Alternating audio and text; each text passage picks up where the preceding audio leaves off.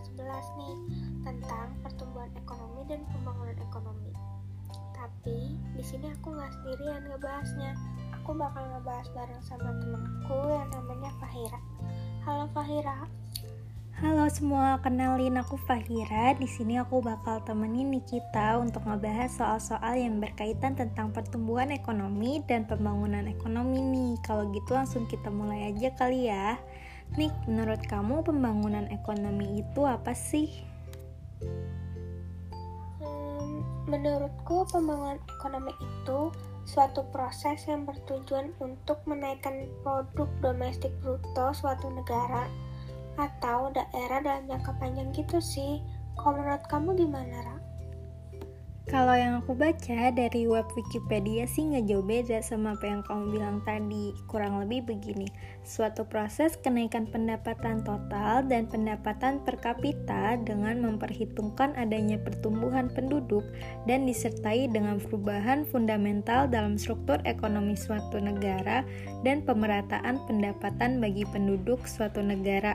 Itu yang aku dapat dari web Wikipedia. Oke oke, sekarang kita lanjut ke soal yang berikutnya kali ya. Aku yang tanya ya sekarang. Pada pembangunan ekonomi atau economic development, kenaikan jumlah GNP dari tahun ke tahun itu gimana sih, Ra? Kalau yang aku baca di buku ekonomi sih kenaikan jumlah GNP dari tahun ke tahun itu lebih besar daripada presentase kenaikan produknya. Oh, kalau untuk pertumbuhan ekonomi gimana?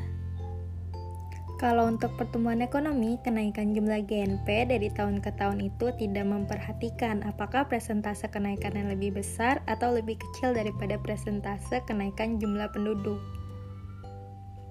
Jadi mereka sangat berbeda ya. Iya, betul. Oh iya, aku mau nanya juga nih, menurut kamu pertumbuhan ekonomi dan pembangunan ekonomi menekankan pada apa sih?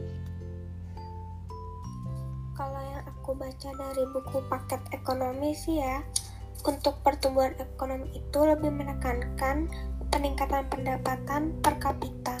Nah, kalau pembangunan ekonomi itu lebih menekankan peningkatan kemakmuran. Jadi mereka berbeda banget gitu. Oh, gitu.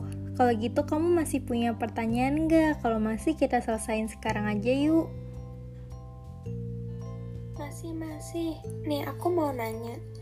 Para ahli banyak yang berpendapat bahwa perencanaan pembangunan ekonomi itu mengandung arti pengendalian dan peraturan perekonomian dengan sengaja oleh suatu penguasa pusat untuk mencapai suatu sasaran dan tujuan tertentu dalam jangka waktu tertentu pula. Itu benar nggak sih?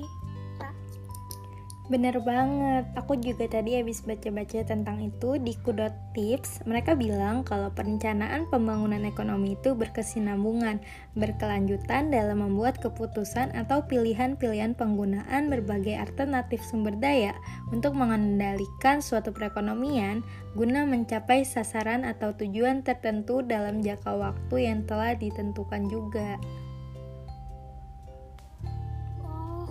Begitu. Kalau untuk pelaksanaan rencana pembangunan jangka panjang nasional yang tahun 2005 sampai 2005 itu terbagi ke dalam apa sih, Rap?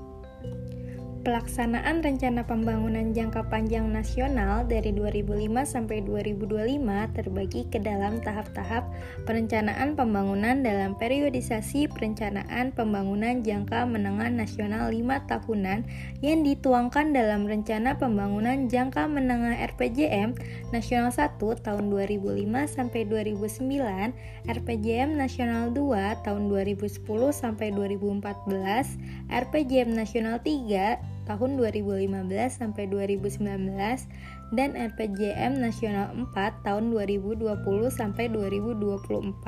RPJM nasional tersebut kemudian dijabarkan ke dalam rencana kerja pemerintah RKP setiap tahunnya melalui mekanisme perencanaan dan penyusunan anggaran pendapatan dan belanja negara APBN. Itu sih dari yang aku baca-baca di buku ekonomi. Oke uh, oke, okay, okay. Makasih ya Faira itu tadi kamu ngejelasinnya jelas banget. Tapi kayaknya kita udah sampai di pembahasan terakhir deh.